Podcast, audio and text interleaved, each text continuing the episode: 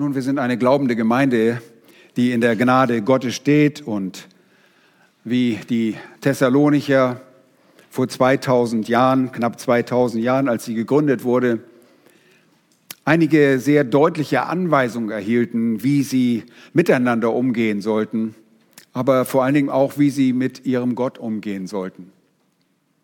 Und der letzte Befehl, den wir uns angeschaut haben, war, dass wir uns freuen sollen. Wir sollen uns alle Zeit freuen. Ich weiß also, wenn ich jetzt euch anschaue, dann habe ich eine freudige Gemeinde vor mir. Und wie schön das ist, zu einer freudigen Gemeinde zu predigen. Der nächste Befehl, der in dem ersten Thessalonicher Kapitel 5 kommt, den haben wir uns beim letzten Mal Teil 1, 1 angesehen, betet ohne Unterlass. In diesem zweiteiligen äh, Predigtserie ja, wo es äh, um die Kommunikation mit Gott geht. Und wir haben uns dabei an Jesus selbst gewendet. Wir haben sein Vorbild angesehen und wir möchten sein wie Jesus. Wenn er der Höchste ist und wenn er der Maßstab ist, dann wollen wir ihn auch betrachten. Ganz praktisch. Für unser praktisches Leben ist er unser Vorbild. Wir haben auch die frühe Gemeinde uns angeschaut als Vorbild. Auch sie hatte begriffen, was das, dass das Gebet ohne Unterlass von größter Bedeutung ist. Wir haben gesehen, dass das Gebet in der ganzen Waffenrüstung Gottes die schärfste Waffe ist. Dass wir ohne dieses Gebet nichts erreichen, wie einst die Israeliten im Kampf gegen die Amalekiter nichts ohne das Gebet bewerkstelligen konnten. Und wir haben auch die Bedeutung des Befehls gesehen, nämlich dass es ein Befehl ist und dass es ein wieder holtes Beten sein soll.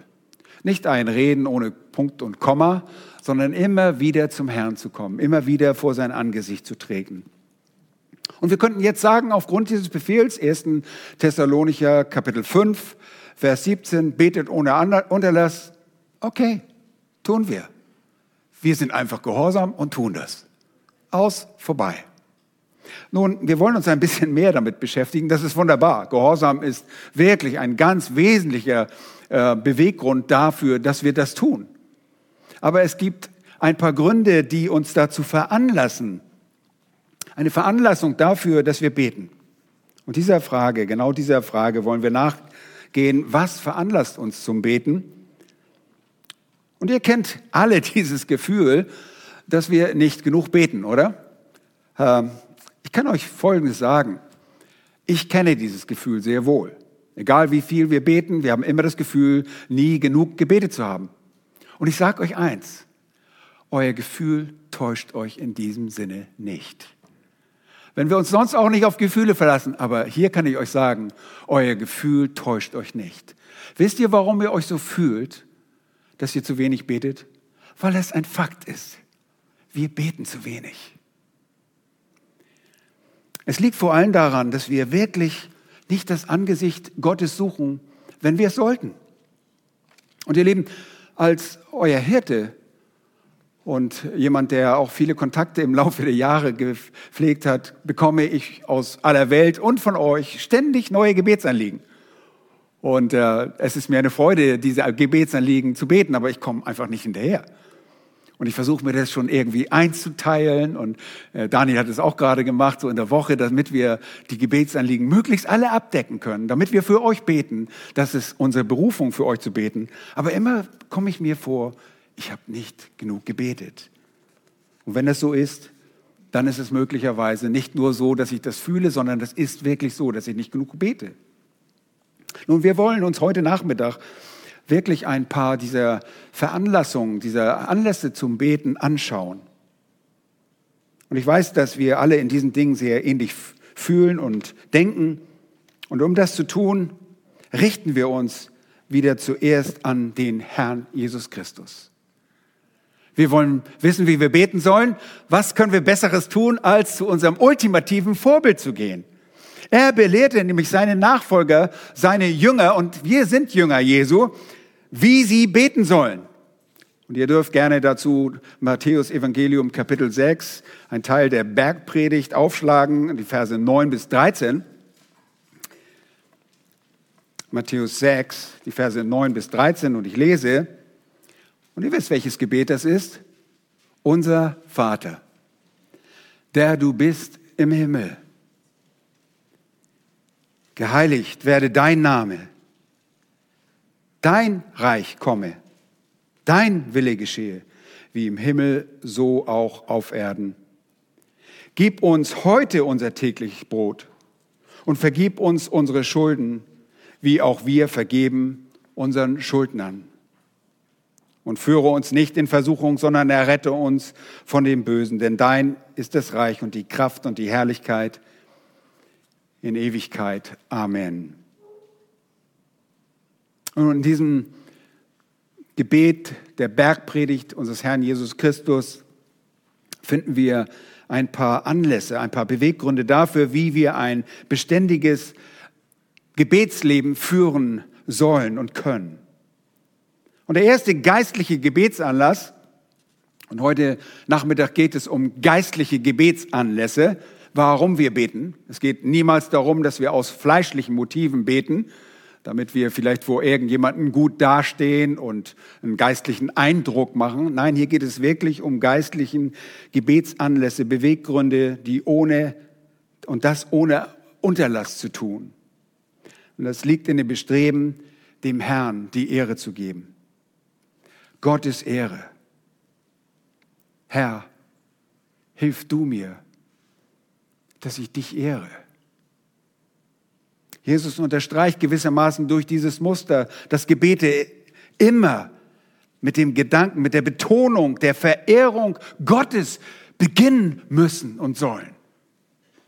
Vater unser, der du bist im Himmel, geheiligt werde dein Name. Dein Reich komme. Dein Wille geschehe. Was immer wir auch beten, ist, dass Gott verherrlicht wird. Was immer wir auch beten ist, dass Gottes Plan erfüllt werde. Was immer wir auch beten ist, dass Gottes Name erhöht werde. Und vor allem, was wir beten sollten, ist, dass Gottes Wille geschehe. Dafür betet, und das solltet eure, sollten eure Gebetsinhalte durchweg kennzeichnen. Der Beginn Gottes Ehre zu suchen und diesen Gedanken beizubehalten. Ihr betet nicht für eure selbstsüchtigen Wünsche. Ihr betet nicht, dass ihr bekannt und geehrt werdet. Ihr betet nicht, dass euer Reich gebaut und gestützt werde. Ihr betet nicht für euer Anliegen, die von Gottes Willen losgelöst sind. Es geht nicht um uns, es geht um unseren Gott. Betet für ihn. Und der erste Beweggrund also bei unserer Lebensweise des Betens, erinnert euch, dieses Gebet ist eine Lebensweise und nicht nur ein Moment oder ein Event. Der erste Beweggrund, das Beten ohne Unterlass, muss in dem Bestreben liegen, dass wir unseren Gott ehren und ihm allein die Ehre geben. Und wenn euer Herz sich danach sehnt, dass Gott verherrlicht werde, werdet ihr mit diesem Ziel vor Augen eure Gebete mit Standhaftigkeit, mit äußerster Beharrlichkeit und immer wieder, das heißt wiederholt, zu Gott bringen. Und wenn ihr den Vater ehrt, dann ehrt ihr damit auch den Sohn, denn Jesus ist es, der uns diese Dinge lehrte. Er ist es, der mit dem Vater vollkommen verbunden ist. Und Jesus sagte, ich und der Vater, wir sind eins. Wenn ihr so denkt, wie er es sagt, dann werdet ihr Gott beständig anrufen und beten, Herr, sei du erhöht, sei du verherrlicht. Erfülle deine Pläne, baue du dein Reich.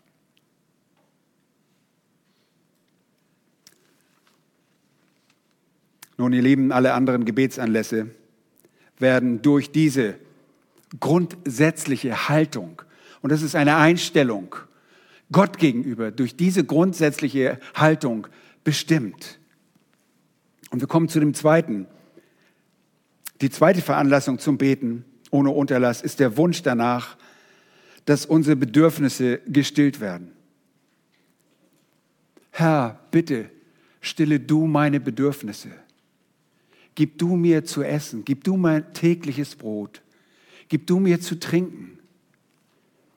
Und der Wunsch, dass unsere Bedürfnisse gestillt werden, so zeigt Jesus, ist ein legitimer Anlass für ein immer sich wiederholendes Gebet. Aber nicht nur unsere Bedürfnisse treiben uns an, sondern auch die unserer Mitmenschen. Jesus lehrte auch, gib uns heute unser tägliches Brot. Gib uns heute, Vers 11 in Matthäus 6. Und es ist gut und richtig, täglich dafür zu beten, dass unsere Grundbedürfnisse im Leben erfüllt werden.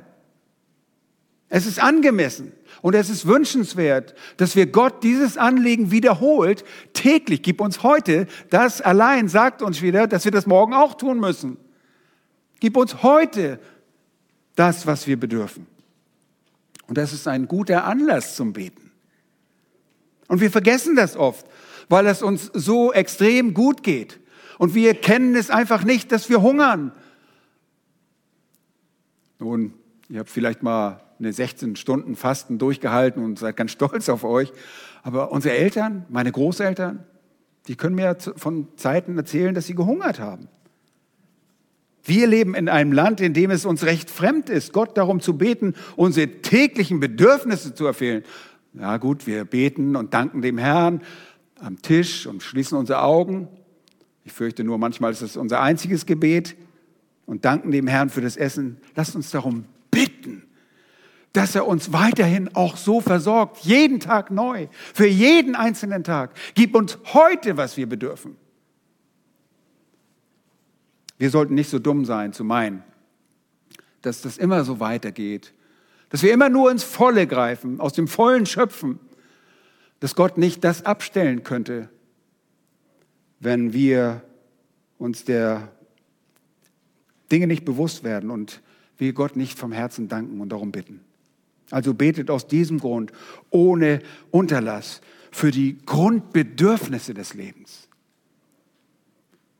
Lebens, das bedeutet nicht, Herr, schenk mir eine neue Angelroute oder schenk mir ein schnelleres Sportboot. Das ist kein Grundbedürfnis. Bete für die Grundbedürfnisse deines Lebens. Drittens, ein dritter Grund zum Anlass oder als Anlass zum Beten ohne Unterlass besteht in der Notwendigkeit unserer Reinigung. Herr, bitte reinige mein beschmutztes Herz. Nun, obwohl uns in Christus vergeben wurde, versagen wir zu beten, unterlassen wir das Richtige zu tun und übertreten wir immer wieder, und das selbst noch als Kind Gottes, die Gesetze und die Maßstäbe Gottes. Nun, wir sind nicht notwendigerweise so böse, wie wir sein könnten, weil Gott uns gnädig ist, aber wir werden dennoch immer wieder schuldig. Und deshalb ist die Reinigung von Sünde ein wichtiger, notwendiger Anlass zu einem wiederholten Gebet. Jesus lehrte in Vers 12, dort in Matthäus, in seinem Mustergebet, und vergib uns unsere Schulden, wie auch wir vergeben unseren Schuldnern. Es reicht nicht aus, anderen Menschen gegenüber gnädig zu sein. Wir selbst brauchen die tägliche Reinigung. In 1. Johannes 3 die Verse 2 und 3 lesen wir im Zusammenhang mit, unserem, mit unserer unzerstörbaren Hoffnung, die wir haben. Da heißt es, wir werden ihn sehen, wie er ist. Und jeder, der diese Hoffnung auf ihn hat, reinigt sich, gleich wie auch er rein ist. Paulus schreibt den Korinthern in 2. Korinther 7, Vers 1, er sagt, weil wir nun diese Verheißung äh, haben. Er nimmt Bezug auf die Verheißung am Ende von Kapitel 6. Und Geliebte, so wollen wir uns reinigen von aller Befleckung des Fleisches und des Geistes zur Vollendung der Heiligkeit in Gottesfurcht. Lieben, und wenn Jesus die Fußwaschung praktizierte und lehrte, dann war das ein Hinweis darauf, dass wir tägliche Vergebung und Reinigung brauchten. Und die Reinigung geschieht dadurch, dass wir uns vor unserem Herrn beugen, uns demütigen und unsere Schuld und Sünde bekennen und diese dann auch lassen. Und wir wollen auch frei sein von der Schuld, der Sünde. Und darüber spricht David in seinem Psalm 32. In Vers 3 sagt David, als ich es verschwieg, da verfielen meine Gebeine. David erlitt diese psychosomatischen Folgen seiner Schuldgefühle. Und er sagt, durch mein Gestöhn den ganzen Tag, denn deine Hand lag schwer auf mir, so dass mein Saft vertrocknete, wie es im Sommer dürr wird. Dürr wird, ja. Wisst ihr, David war verwehrt in seiner Sünde. Er vertrocknete, vertrocknete förmlich. Sein Speichelfluss war beeinträchtigt, das Nervensystem wird durch Flüssigkeit gesteuert, seine Lebenssäfte waren vertrocknet. Und er stöhnte Tag ein und Tag aus. Kurz gesagt, er war wirklich am Ende. Er war ein Wrack. Und er stöhnte. In Vers 5 sagt er, da bekannte ich dir meine Sünde und verbarg meine Schuld nicht. Ich sprach, ich will Jahwe meine Übertretung bekennen da vergabst du mir meine Schuld. David bekannte und Jahwe vergab ihm die Schuld. Gleich zu Beginn des Psalms sagte David bereit, wohl dem, wohl dem, dessen Übertretung vergeben, dessen Sünde zugedeckt ist, wohl dem Menschen, dem Jahwe keine Schuld anrechnet und in dessen Geist keine Falschheit ist. Ihr Lieben, das Verbergen ist vorbei. Ihr versteckt eure Sünde nicht mehr. Ihr habt sie vor Gott und gegebenenfalls auch vor Menschen offen dargelegt, wenn ihr Menschen verletzt habt. Jetzt ist euch vergeben und ihr seid erneut die Gesegneten. Ihr Lieben, ein konstantes Gebet und ein unaufhörliches und bußfertiges Bekenntnis werden von dem Verlangen und der Notwendigkeit angetrieben, gereinigt zu werden. Das haben wir nötig. Das charakterisiert uns als Kinder Gottes, dass wir ständig Buße tun. Oh, wir müssen uns nicht immer neu bekehren. Wir müssen nicht neu gebadet werden, aber unsere Füße müssen immer wieder gereinigt werden.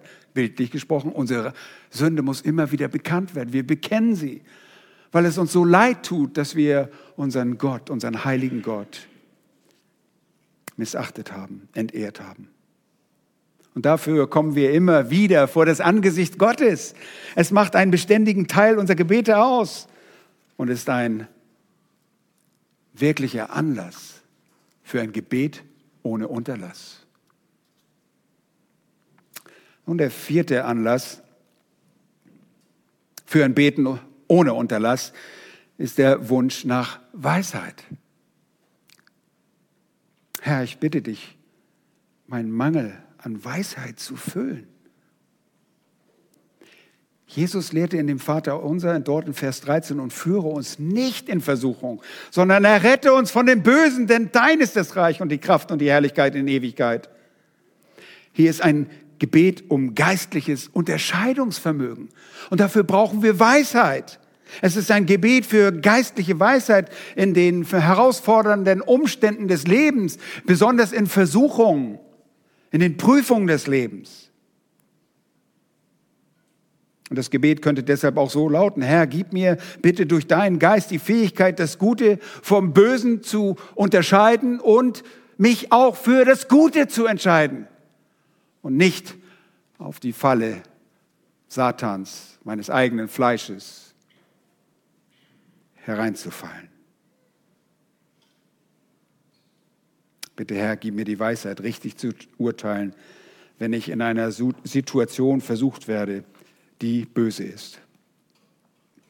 Und das sind Dinge, die uns ständig, also wiederholt zum Beten veranlassen. Ein Gebet ohne Unterlass. Wir kommen jeden Tag in Situationen, wo wir uns entscheiden müssen, entweder das Richtige zu tun oder wir tun das Böse. so beten wir, Herr, gib uns die Weisheit. Tagtäglich müssen wir beten, Herr, errette mich von der Versuchung. Bitte gib mir die Weisheit und Unterscheidungsvermögen, die Erkenntnis und die geistliche Empfindsamkeit sowie die Führung deines Geistes, damit ich nicht in die Fallen des Teufels hineingerate, die Fallen des Fleisches oder der Welt. Jakobus drückt es ganz einfach aus. Kennt dort den Anfang, Jakobus 1, Vers 5. Wenn es aber jemand unter euch an Weisheit mangelt, so bitte er sie von Gott, der allen gern und ohne Vorwurf gibt. Und damit meint er nicht, oh, das habe ich einmal gebetet zu Beginn meines Christseins. Herr, das hat immer noch Gültigkeit. Erinnerst du dich? Vor 20 Jahren habe ich das gebetet. Nein, immer wieder kommen wir zu unserem Herrn und bitten und suchen auch diese Weisheit. Wenn ihr euch jedoch der Illusion hingebt, dass ihr die Weisheit Gottes nicht benötigt, dann werdet ihr auch nicht beten, sondern dann werdet ihr auch in die Sünde fallen. Und die Folge davon ist einfach nur Niederlage im Kampf gegen die Sünde. Und das will keiner von uns. Viertens also der Wunsch nach Weisheit. Der fünfte Anlass zum Beten ist der Wunsch nach Gemeinschaft mit Gott. Herr, ich sehne mich nach der Gemeinschaft mit dir. Ist das dein Gebet? Wenn ihr allein seid, dann bitte realisiert einfach, dass das gar nicht stimmt. Ihr seid nicht allein. Er ist da und ich kann mit ihm als zu meinem Vater reden, als wie zu einem Freund reden. Mehr als das. Als seine Kinder sehen wir uns nach Gemeinschaft mit dem Vater und deshalb reden wir nicht nur, sondern wir lassen ihn auch reden. Das Gebet ist kein Monolog, das immer nur geführt wird, ohne dass wir uns nähren. Und die Söhne Koras drücken diese Sehnsucht in Psalm 42, Vers 1 in sehr schöner Sprache aus. Da heißt es, wie ein Hirsch lechzt nach Wasserbächen. So lechzt meine Seele, o oh Gott, nach dir. Meine Seele dürstet nach Gott, nach dem lebendigen Gott. Wann werde ich kommen und vor Gottes Angesicht erscheinen? Meine Tränen sind meine Speise bei Tag und bei Nacht. Ihr Lieben, das ist Sehnsucht nach Gott. Das ist der Wunsch nach Gemeinschaft mit Gott. Das ist ein von Herzen kommender Ruf nach Gemeinschaft. Und wenn ich das Gefühl, von Gott entfremdet zu sein, erschleicht, von ihm abgeschnitten zu sein, und du rufst, Herr, ich will deine Gemeinschaft, ich will deine Gesellschaft, ich will deine Gegenwart, ihr Lieben, dann seid ihr auf dem rechten Weg, Weg im Gebet. Und dieses Verlangen zeigt sich im Gebet ohne Unterlass. Und wir erinnern uns, dieses ohne Unterlass ist am besten wiedergegeben in einem wiederholten Gebet. Immer wiederholen. Im Psalm 63 kommen diese Worte Davids so gut zum Ausdruck. Und das ist noch nicht so lange her. Daniel hat uns diesen gerade erst ausgelegt. Und da heißt es in Vers 2 und 3, Oh Gott, du bist mein Gott, früh suche ich dich. Meine Seele dürstet nach dir. Mein Fleisch schmachtet nach dir in einem dürren, lechzenden Land ohne Wasser, dass ich deine Macht und Herrlichkeit sehen darf, gleich wie ich dich schaute im Heiligtum. Gott, ich möchte dich einfach sehen. Ich möchte einfach bei dir sein. Ich möchte deine Wunder erleben. Das ist ein legitimer Grund. Und in den ersten Versen vom Psalm 84 der auch wieder von den Söhnen Koras geschrieben ist, heißt es in den Versen 2 und 3, wie lieblich sind deine Wohnungen, Jahwe Zebaoth. Meine Seele verlangte und sehnte sich nach den Vorhöfen Jahwes. Nun jubeln mein Herz und mein Leib dem lebendigen Gott zu. Und dort in Vers 5, wohl denen, die in deinem Haus wohnen. Ihr Lieben, das ist die Sehnsucht nach der Gegenwart und Gemeinschaft Gottes.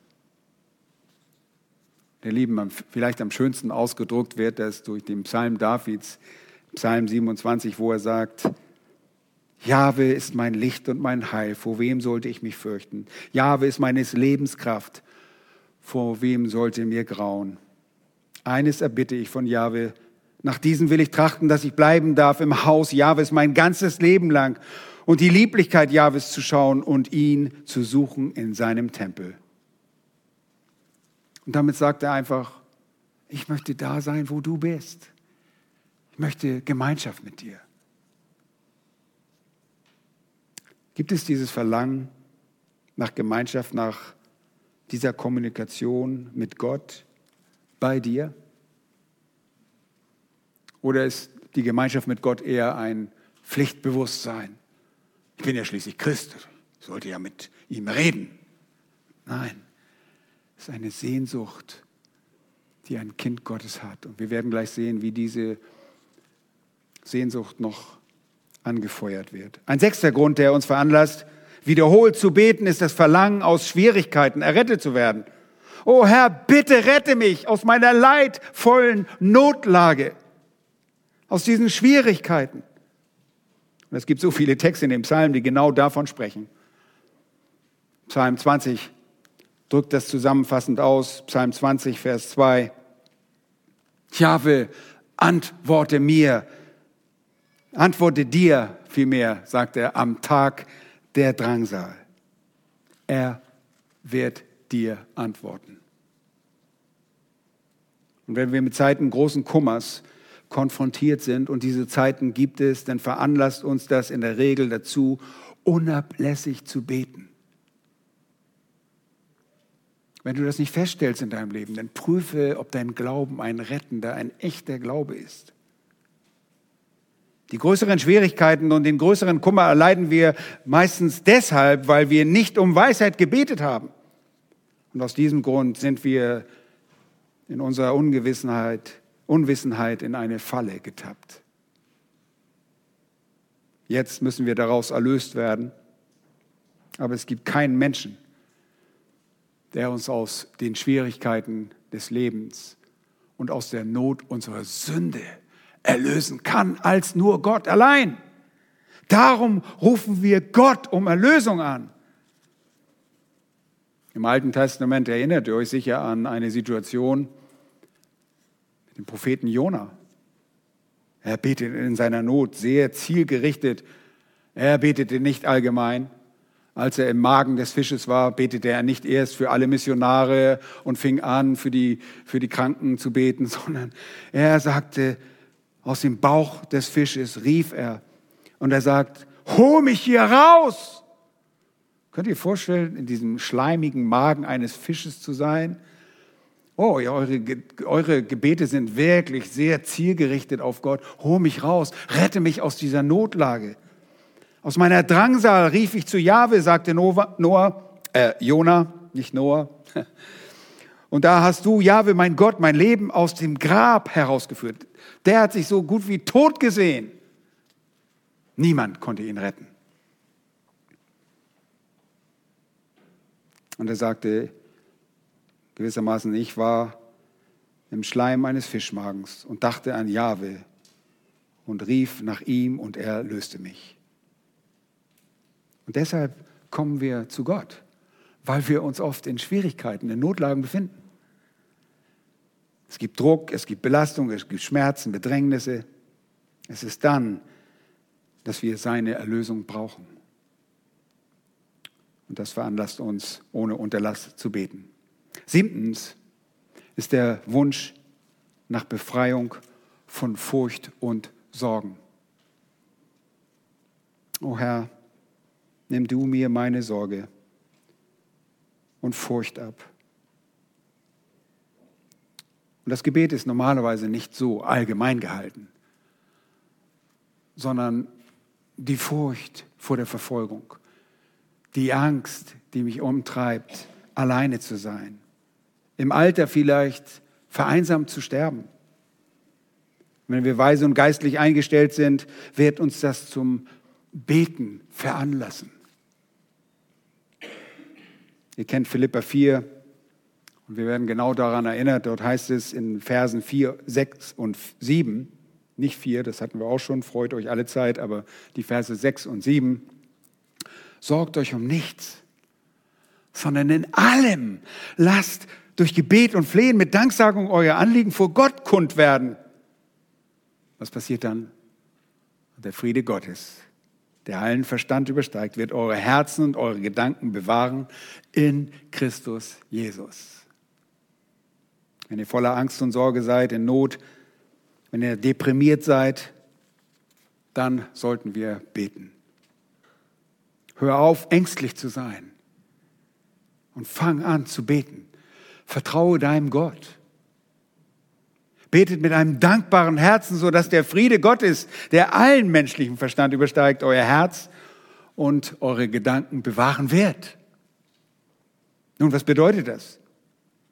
Ihr habt einen Schutz vor Angst. Ihr habt Schutz vor einer festgesetzten Niedergeschlagenheit. Heute sagt man, glaube ich, Depression. Not, Furcht und Sorge. Und wenn ihr eine Lösung sucht, die mit dem menschlichen Verstand zu erfassen ist, ihr Lieben, dann geht zu den Menschen. Wenn du einen Motorschaden hast, dann geh in die Werkstatt.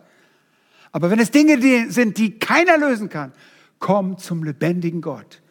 Bring ihm dein Anliegen. Sage ihm, was dich bedrückt. Sprich es aus. Konkret. Und in Zeiten von Furcht, in Zeiten von Sorgen und Zeiten der Angst, in Zeiten der emotionalen Not, ist das Rezept in der Hinsicht völlig einfach. Wir gehen zu unserem Gott. Kommt mit Danksagung vor den Herrn in einem beharrlichen, in einem kontinuierlichen, in einem unablässigen, wiederholenden Gebet. Und der von Gott versprochene und verheißene Friede wird eure Herzen und Gedanken bewahren. Warum gehen Menschen zu anderen Quellen? Wenn die Befreiung von Furcht und Sorge sucht, dann ist es unser Gott, der diese Befreiung euch versprochen hat. David schrieb im Psalm 4, Vers 2, Antworte mir auf mein Schreien. Du Gott meiner Gerechtigkeit, in der Bedrängnis hast du mir Raum gemacht. Sei mir gnädig und höre mein Gebet. Nun, dieses sein Gebet wurde nicht nur einmal erhört.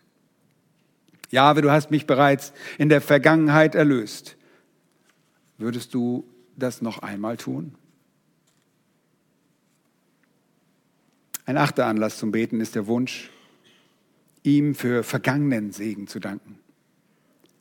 Einfach zu danken. Wir haben einige Lieder über das Danken gesungen. Das passt sehr gut. Herr, ich danke dir für die Fülle deines erwiesenen Segens. Und ihr Lieben, wenn ihr ein dankbares Herz habt, und wir hören in ein paar Wochen noch mehr davon, so der Herr will, wenn ihr ein dankbarer Mensch seid und an all das denkt, was Gott in all seiner Güte getan hat, ihr Lieben, dann wird es euch dazu veranlassen, diesen Dank an richtiger Stelle auch loszuwerden bei unserem Gott. Ihr kommt ins Gebet. Und manchmal sind eure Gebete nur Dankgebete. Oh, wie schön ist das.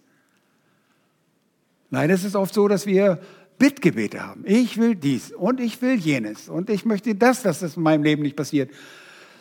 Lasst uns ihm danken. Nicht nur für die Segnung, die wir selbst erfahren haben, sondern Segnungen allgemein. Alle Segnungen, die überhaupt stattgefunden haben. Im Psalm 44 sagen die Söhne Chorus, oh Gott, mit unseren eigenen Ohren haben wir es gehört, unsere Väter haben es uns erzählt, was du für Taten getan hast zu ihrer Zeit, in den Tagen der Vorzeit. Ho, sie erinnern sich an das, was damals geschehen ist und danken ihm dafür. Du hast mit deiner Hand die Heidenvölker vertrieben, sie aber gepflanzt. Du hast Völker zerschmettert, sie aber ausgebreitet. Denn nicht mit ihrem Schwert haben sie das Land gewonnen. Und nicht ihr Arm hat ihnen geholfen, sondern deine rechte Hand und dein Arm und das Licht deines Angesichts. Denn du hattest Wohlgefallen an ihnen. Du bist derselbe, mein König und Gott. Wisst ihr, was das ist? Das ist Danksagung, das ist Lob Gottes für das, was in diese Söhne Koras, was sie nicht mal direkt betraf, in direkter Art und Weise. Es ist nicht nur einfach Lob für irgendetwas, was Gott dir selbst angetan hat oder ihnen angetan hatte. Es ist Lob für etwas, was Gott in der Vergangenheit auch für andere getan hat. Und wir lernen, dass wir Gott für alles dankbar sein können und auch sollen und dass er in der Heilsgeschichte so viele wunderbare Dinge getan hat. Wir können uns selbst in Staunen versetzen, wenn wir uns zurückführen und die Dinge vor Augen halten. wenn wir an den Auszug der Israeliten aus Ägypten denken. Wie sie dort durch das Rote Meer, durch das Schilfmeer ziehen. Wie wunderbar ist es zu sehen, dass Gott mächtig ist und wir wollen ihm dafür danken. Der Apostel Paulus schreibt in Philippern und sagt, ich danke mein Gott, so oft ich an euch gedenke, indem ich alle Zeit in jedem meiner Gebete für euch alle mit Freuden für bitte tue. Wegen eurer Gemeinschaft am Evangelium am ersten Tag an bis jetzt. Oh, ich kann nicht anders, als die ganze Zeit zu beten und Gott für das zu danken, was er in eurem Leben tut und was er bereits getan hat. Übrigens, da fällt mir gerade ein, so fängt der Thessalonicher Brief an. Wir brauchen gar nicht zu den Philippern gehen. Schaut mal in 1. Thessalonicher Kapitel 1. Die kommen gar nicht aus ihrem Danken wieder raus. Da heißt es in 1. Thessalonicher 1, Verse 2 und 3. Wir danken Gott. Welches Wort kommt als nächstes? Alle Zeit. Oh, das ist ein Gebet ohne Unterlass, ein Dankgebet ohne Unterlass. Für euch alle, wenn wir euch erwähnen in unseren Gebeten, indem wir unablässig, also wie deutlich kann man es eigentlich sagen, erstmal alle Zeit und unablässig gedenken an euer Werk im Glauben und eure Bemühungen in der Liebe und euer standhaftes Ausharren in der Hoffnung auf unseren Herrn Jesus Christus. Der Rest ist nicht in den anderen Manuskripten, aber vor unserem Gott und Vater. Seht ihr, wie beharrlich sie waren im Gebet, im Dankgebet? Das wollen wir uns zum Vorbild nehmen. Und wenn ihr Gott wirklich dankbar seid für alles, was er getan hat, wird euch das zum Dankgebet ohne Unterlass veranlassen. Eine neunte Veranlassung zum Beten ist der Wunsch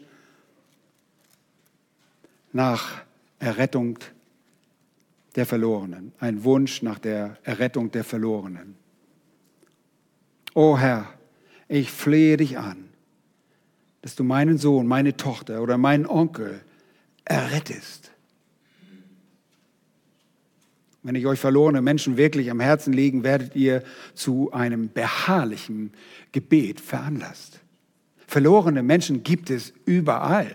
Sie sind auf der ganzen Welt verteilt. Und wenn euch ihre Rettung am Herzen liegt, werdet ihr euch unter anderem dafür einsetzen, für sie gezielt und beständig zu beten. Daran sehen wir, dass ihr diesen Befehl ernst nimmt. Römer 10 sagt Paulus, Vers 1, Brüder, der Wunsch meines Herzens und mein Flehen zu Gott für Israel ist, dass sie gerettet werden. Paulus betet für ihre Errettung. Und wenn wir nicht errettete Menschen sehen, dann wollen wir nicht wegsehen, sondern für sie beten. Paulus sagte zu Timotheus in 1. Timotheus Kapitel 2, Gott wolle, dass alle Menschen gerettet werden und zur Kenntnis der Wahrheit kommen. Und dann sagt er, so will ich nun, dass die Männer an jedem Ort beten, indem sie Heiligende aufheben für die Errettung der verlorenen Menschen. Ihr Lieben, betet konkret für diejenigen, die am Evangelium arbeiten und das selbe Ziel haben, das wir haben. Vergesst die Aldi-Gebete. Segne all die Missionare. Vergesst diese Gebete. Seid spezifisch. Bete für Antonius in Paraguay, der tagtäglich mit den Waisenkindern in den Dörfern des Hinterlandes zu tun hat und ihnen das Evangelium bringt. Betet für die Errettung dieser Kinder. Der Wunsch nach der Errettung der Verlorenen Ihr Lieben, veranlasst uns zu beten. Und wenn ihr nicht ohne Unterlass betet, dann stimmt irgendetwas nicht mit eurem Gefühl für die verlorenen, dieses Mitgefühl für diese verlorene Welt. Und der zehnte und letzte Grund, warum wir ohne Unterlass beten, aus dieser kurzen Liste des Betens ohne Unterlass ist der Wunsch nach dem geistlichen Wachstum aller Gläubigen.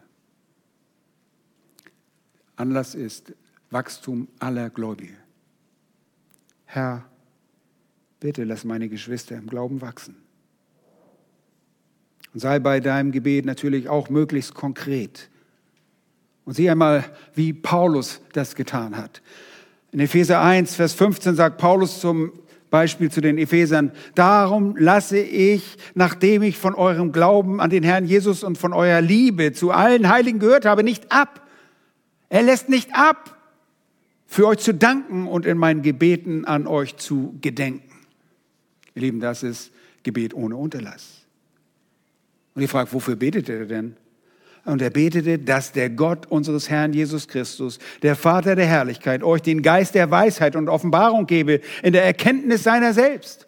Erleuchtete Augen eures Verständnisses, damit ihr wisst, was die Hoffnung seiner Berufung, was der Reichtum der Herrlichkeit seines Erbes in den Heiligen ist und was auch die überwältigende Größe seiner Kraftwirkung an uns ist, die wir glauben. Wisst ihr, was das ein Gebet ist? Das ist ein Gebet für das geistliche Wachstum der Epheser. Und er betete, dass die Kraft Gottes in dem Leben der Empfänger freigesetzt werden würde. Und dann in Kapitel 3, Vers 14 sagte wieder, deshalb beuge ich meine Knie vor dem Vater und bete für euch. Nochmals, Vers 16, schaut mal, dass er euch nach dem Reichtum seiner Herrlichkeit gebe, durch seinen Geist mit Kraft gestärkt zu werden am inneren Menschen. Paulus hat nicht gesagt, oh, ich gründe eine Gemeinde das war's. Tschüss. Have a good life. Habt ein gutes Leben. Tschüss. Nein. Er betete. Er betet für geistliche Kraft. Vers 17. Er betet, dass der Christus und auch, dass sie die Liebe des Christus erkennen, sagt er doch noch vorher, durch den Glauben in eurem Herzen wohne, damit ihr in Liebe gewurzelt und gegründet dazu fähig seid, die Liebe zu erkennen, die doch alle Erkenntnis übersteigt. Da heißt es, damit ihr erfüllt werdet bis zur ganzen Fülle Gottes. Er betet für geistliches Wachstum. Meine Lieben, wir haben für so vieles, wofür wir beten sollten. Aber was bewegt euch zu beten? Wir haben all diese Dinge gesagt und ihr kennt diese Anlässe. Aber ihr macht eine geistliche Bestandaufnahme und sagt, ja, das, das, das möchte ich auch alles. Aber wenn ihr nicht ohne Unterlass betet, dann liegt es daran, dass etwas auf der Ebene eurer Beweggründe nicht in Ordnung ist. Etwas stimmt nicht auf der Ebene der dazu der zugrunde liegenden Motivation. Nun, wie könnt ihr mangelndes Gebet korrigieren? Wie könnt ihr das Gebetsleben wieder neu entfachen? Und ich kann euch nur eins sagen, die Bibel sagt, seid im Wort Gottes. Denn wenn wir beten, reden wir mit Gott. Aber wir müssen Gott zu uns reden lassen. Und das ist, wenn wir zum Wort Gottes kommen. Es ist hauptsächlich durch die Zeit im Wort Gottes, dass euer Beten neu entfacht wird und angeregt wird. Nur es gibt natürlich andere Gründe, wie einfach nur Gehorsam sein, aber das ist nicht etwas, was in Liebe geschieht und aus Glauben geschieht. Vielleicht auch aus Glauben, dass Gott mich trotzdem segnen wird, aber lasst uns im Wort verharren. Und wenn ich ein echtes Verlangen dafür entwickeln will, Gott die Ehre zu geben, dann werde ich feststellen, dass dieses Verlangen auch darin besteht, Gottes Wort kennenzulernen und darin zu sehen. Und das haben wir gemacht. Wir sind zu Anfang dahin gegangen, dass wir gesehen haben, wie hat Jesus das gemacht? Wir mussten zur Bibel gehen. Ah, das Vaterunser wird nicht irgendwo nur festgehalten von irgendwelchen Leuten. Das steht in der Bibel. Und wenn das die Kirchen aufsagen, dann haben sie das aus der Bibel gelernt. Wir gehen zur Schrift. Und sobald ich lese, was Gott für seine eigene künftige Ehre geplant hat, entwickelt sich in meinem Herzen das Verlangen, ihm die Ehre dafür zu geben, was seinem Plan entspricht. Wenn ich den Plan Gottes betrachte, wir haben das heute Morgen als Männer getan in der Offenbarung und sehen den Plan Gottes und können das in ein Gebet ummünzen. Herr, verherrliche dich durch die Gerichte, die über diese Welt kommen. Denn deine Gerichte sind gerecht. Du bist ein guter Gott. Und wenn ich das Wort Gottes studiere, dann wird auch meine Schuld mir bewusst. Wisst ihr, wir können durch den, durch den Alltag gehen und denken, oh, ich bin gar nicht so ein schlechter Typ, ich bin echt eine dufte Biene. Oh. Aber dann gehst du zum Wort Gottes. Und dann liest du im Wort Gottes und auf einmal legt der Herr seinen Finger auf dein Herz und sagt, oh, oh, da stimmt was nicht in deinem Leben. Es ist das zweischneidige Schwert, das uns die Dinge, unser Herzen offenbart, die Motivation des Herzens beurteilt. Und das führt uns ins Gebet. Herr, vergib mir. Und das ist notwendig. Dann kommst du zum Bußgebet.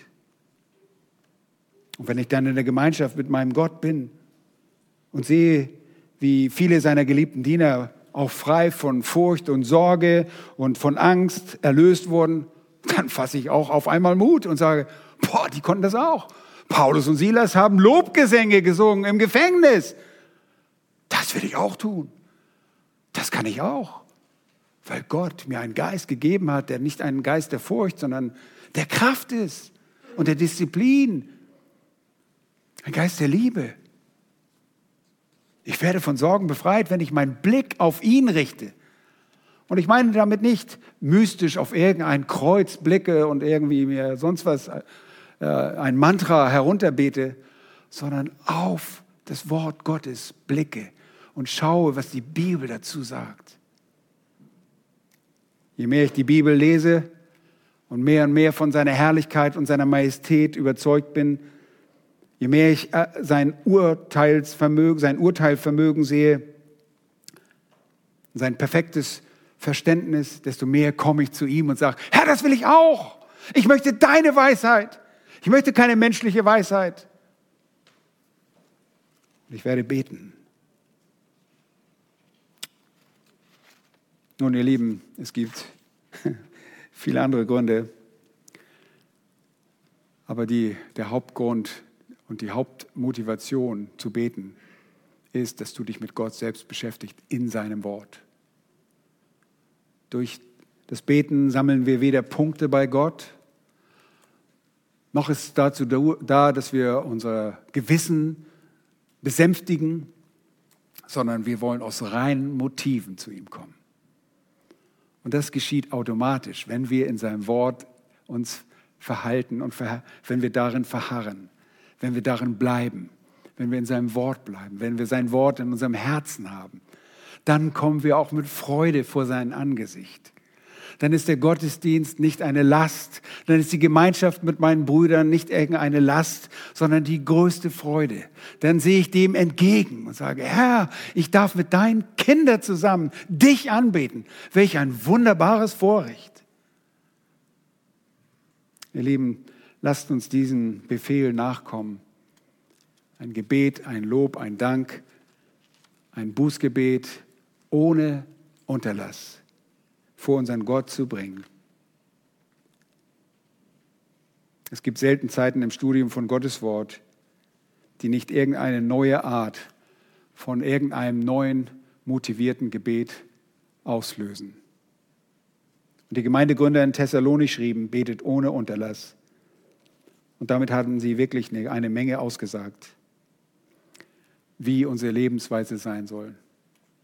Und dafür wollen wir auch jetzt beten. Lass uns einfach aufstehen zum Gebet. Herr, nochmals wollen wir dir danken. Wir wollen dir die Ehre geben. Geheiligt werde dein Name. Dein Name möge abgesondert werden unter all den Göttern und Götzenbildern dieser Welt dein Name wert erhoben werden. Denn du bist ein großer Gott und du wirst das, was du verheißen hast und gesagt hast, wirst du tun. Dir sei alle Ehre. O möge diese Ehre auch aus unser aller Leben stammen, dass wir zu deiner Ehre leben und beten. Herr, wir bitten dich auch ganz konkret, stille du die Bedürfnisse unseres Lebens. Gib du uns zu essen, gib du uns zu trinken, Gib du uns Kleidung, gib du uns eins zu Hause. Wir bitten dich, nimm dieses nicht von uns. Danke für das Essen heute. Danke für das Trinken heute und für unsere Möglichkeiten zu schlafen und uns anzuziehen. Herr, wir danken dir nochmals, dass du uns immer wieder reinigst. Dass wenn wir unsere Sünde bekennen, du treu und gerecht bist, dass du uns vergibst und reinigst von aller Ungerechtigkeit. Herr, wir wollen diese Sünde auch lassen. Herr, wir haben so einen Wunsch, so einen großen Wunsch nach Weisheit. Weisheit in den Versuchungen des Lebens zu bestehen und dir zu vertrauen. Und deshalb suchen wir deine Gemeinschaft im Gebet, aber auch in deinem Wort. Wir wollen von dir lernen. Wir wollen, dass du bei uns bist. Danke, dass du in uns Raum genommen hast durch deinen Geist. Lieber Vater und lieber Herr Jesus Christus, danke, dass du Kraft und aufgrund deines Geistes und mit deinem Geist in uns lebst. Wir danken dir für so manche Errettung aus Notlagen, die wir selbst erlebt haben und wie du Menschen geholfen hast, für die wir gebetet haben. Wir danken dir für Hans. Herr, das ist so wunderbar zu lesen, dass Hans wieder läuft, dass du ihm seiner Familie erhalten hast. Wir geben dir die Ehre dafür. Wir danken dir für die Befreiung von Sorgen. Denn wir haben einen himmlischen Vater, auf den wir alle unsere Sorge werfen dürfen. Du sorgst für uns. Du nimmst uns unsere Angst. Herr, wir kennen den Ausgang dieser Geschichte. Wir müssen uns nicht um einen atomaren Krieg sorgen. Wir müssen uns nicht darum sorgen, dass uns jemand verfolgt, weil du bei uns bist. Du verstehst es, uns aus diesen Notlagen herauszuretten. Herr, das hast du bewiesen, indem du den gerechten Lot befreit hast aus Sodom und Gomorrah. Wir danken dir für den Segen, den du dein Volk erwiesen hast. Und allen Menschen, die dir von Herzen gehorsam sind, hast du besonderen Segen erwiesen. Aber selbst den Segen einer gottlosen Welt, eine allgemeine Gnade, dass du selbst den Gottlosen leben lässt. Wir danken dir dafür. Wir geben dir die Ehre, dass du so ein großer, barmherziger, mitfühlender Gott bist. Und weil du das bist, appellieren wir an dein Retterherz wir bitten dich, rette die Verlorenen. Rette die Verlorenen in unserer Mitte. Wir beten für unsere Kinder, unser erstes Missionsfeld. Oh, erbarme dich meiner Tochter, erbarme dich unserer Kinder, erbarme dich unserer Verwandten, die dich nicht kennen. O Herr, schenk du Gnade, rette du. Und dann, wenn du gerettet hast, bete ich, dass du auch unsere Geschwister, dass du jeden Einzelnen geistlich wachsen lässt vorankommen lässt zu deiner Ehre, damit wir leben, was du dir vorgestellt hast, dass wir leben ein Gebetsleben, das ein Lebensstil geworden ist, dass wir mit dir ständigen Umgang haben und dass wir ständig nur nach deiner Herrlichkeit und deiner Ehre trachten. Das soll unser Gebet sein. Und so danken wir dir für diesen Sonntagnachmittag, an dem wir uns jetzt auch erinnern dürfen, was du getan hast, damit wir solche Menschen sein dürfen, die mit dir kommunizieren dürfen. In Jesu Namen. Amen.